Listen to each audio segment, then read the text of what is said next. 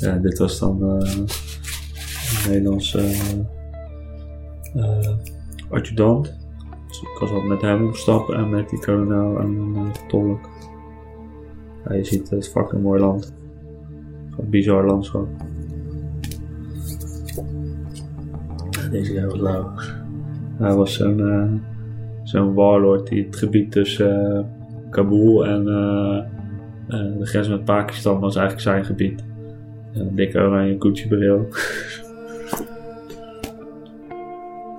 die gasten zien er sowieso fucking vet uit.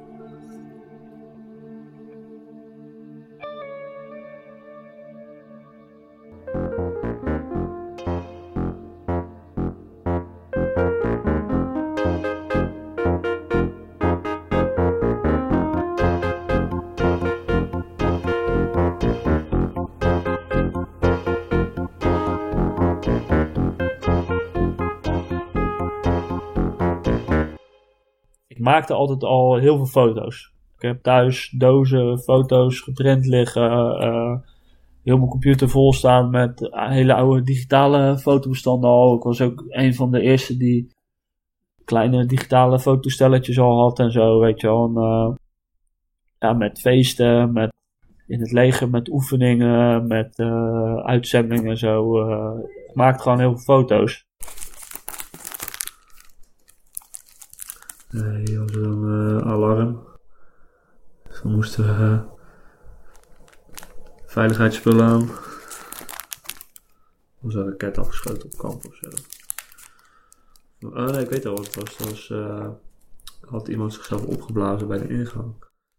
Met uh, hele bomgordel. Een stuk of vijf man meegenomen of zo.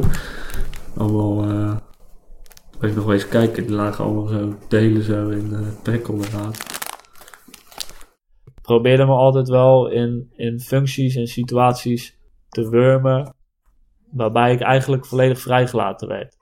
Ik was dan chauffeur van een major. Nou ja, die man die heeft heel veel aan zijn hoofd. Die is de hele dag bezig met uh, eh, 200 man die hij in het grill moet houden. En die gaat zich niet met mij bemoeien. Weet je wel, het enige wat hij uh, zegt van mij, als ik wil rijden, dan moet je er zijn. Die auto moet rijden. En we moeten op tijd komen. Waar het dus op neerkomt is, uh, voor de rest kan het me geen zak schelen wat je allemaal aan het doen bent. Ik was gewoon s ochtends sport uit, kwam s'avonds terug. En ik was de hele dag bij onderzoek. En op een gegeven moment, ik, ik, mocht, ik mocht altijd gewoon overal mee naar binnen. In het begin deed ik dat ook wel. Maar tijdens zo'n vergadering, ja, zit je erbij. Maar eigenlijk is het fucking saai, weet je wel. Ze zijn alleen maar aan het lullen en lullen. Dus op een gegeven moment ook zoiets van, joh, wil gewoon in de auto. Ik zie jullie straks wel. Ja, dan wordt het leuk, want dan komen al die mannetjes om die generaals, die ook buiten aan het wachten zijn of aan het chillen zijn, die komen dan kijken en die willen dan met je praten en dan krijg je daar een beetje contact mee en zo.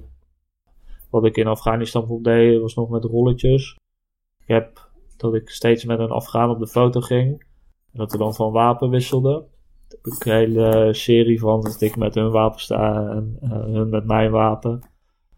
Uh, dat vond ik dan grappig om te doen. Ik fotografeerde veel, ik was heel veel in contact met, met locals, zeg maar. Die wilden natuurlijk ook allemaal een foto van zichzelf. Dus wat ik deed was, die rolletjes stuurde ik dan naar huis. En mijn moeder liet ze dan dubbel afdrukken. En dan uh, stuurden ze ze weer terug. En dan ging ik aan hun dan weer die foto's uitdelen en zo, weet je wel, dat soort dingen.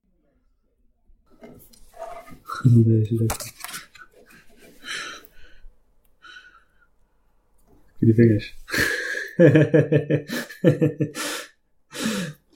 hij, was, uh, hij was ook de zoon van die generaal van de politie, die had ook een viespeuk hebben.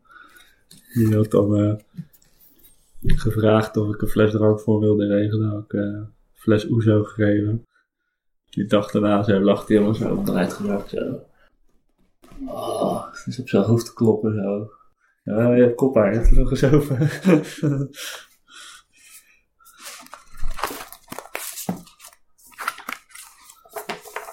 Het was ook wel dat, je daar gewoon zoveel ziet en meemaakt dat je dan toch snel die camera pakken en heel veel aan het fotograferen bent.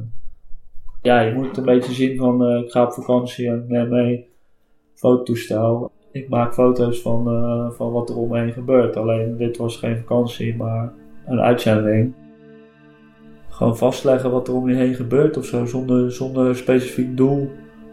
Maar gewoon soort van unieke ervaring vast willen leggen. Zodat je die ook weer kan delen met, eh, met de mensen thuis en zo. En ook voor later, weet je.